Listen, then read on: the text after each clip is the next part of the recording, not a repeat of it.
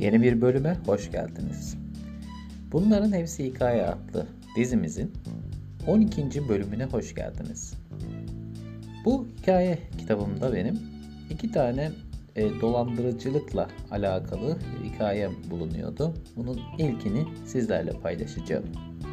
İsmi Radara Girdiniz. O zaman hemen başlayalım. Hiç kimsenin aklına gelmemişti.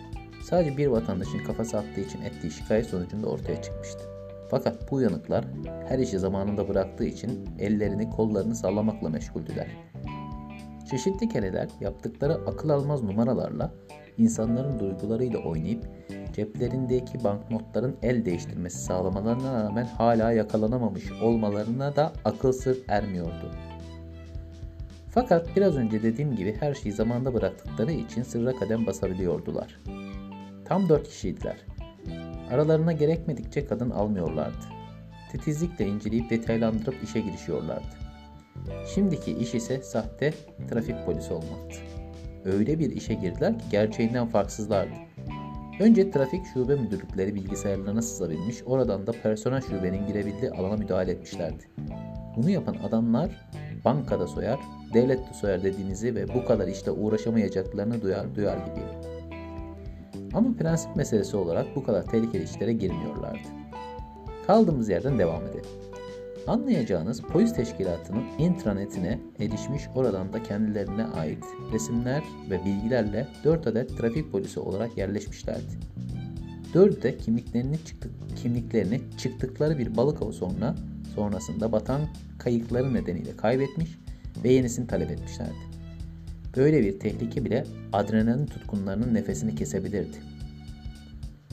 Kıyafetlerini kendileri almış, resmi kimlik belgeleriyle hiç olmamış ve kimsenin de olmadığından emin olmadığı radar takip şubesine göreve başlamışlardı. Başlarında komiser ya da başkomiser var ama yoktu. Daha doğrusu henüz gelmemişti. Sonuçta da trafik şube müdürlüğüne bağlıydı. Hemen her hemen şehir dışındaki görevlerine başladılar. Şehrin dört çıkışı vardı. Yani dört ayrı ile bağlantısı olan şehirde her gün başka bir çıkışta, başka bir kilometrede radar tertibatının olduğu, bunu kendileri üretmiş uyduruk bir cihaz, otomobil ve 500 metre ileride diğer ekip otosuyla bekleyen 4 kişi vardı. Haliyle modeli ve markası yüksek otomobillerin yanı sıra gariban birkaç otomobil durduruluyordu. Gariban otomobiller araya çeşni olsun diye veya dikkat çekmemesi içindi. Oldukça pahalı otomobillerin illa ya bir şoförü ya da bir sahibi, sahibi vardı. Radara girdik mi yoksa?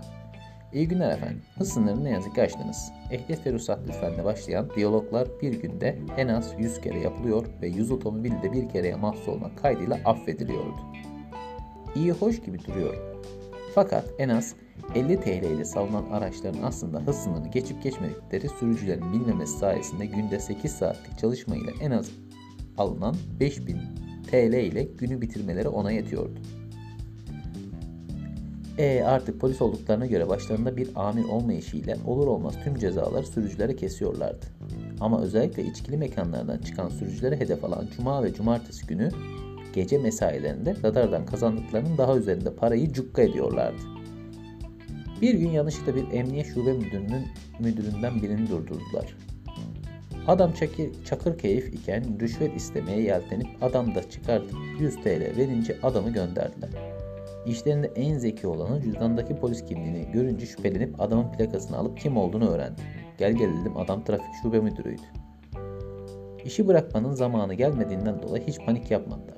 Adam ise kafa bir milyonken Allah'tan bir şey hatırlamıyormuş. Öyle kolayca atlattılar tehlikeyi.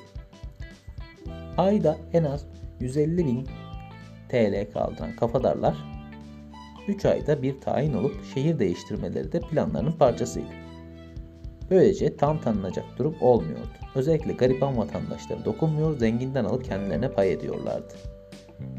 Bir önceki işler olan sözde Rusya'dan evlenecek bayan getirtip çöp çatanlık işinden daha çok kazanıyorlardı. Ama en çok kazandıkları iş olan sahte bal işini de uzun zaman unutamadılar. Böylece tam 19 şehir gezdiler. Yani kaz kazancı hesap edin.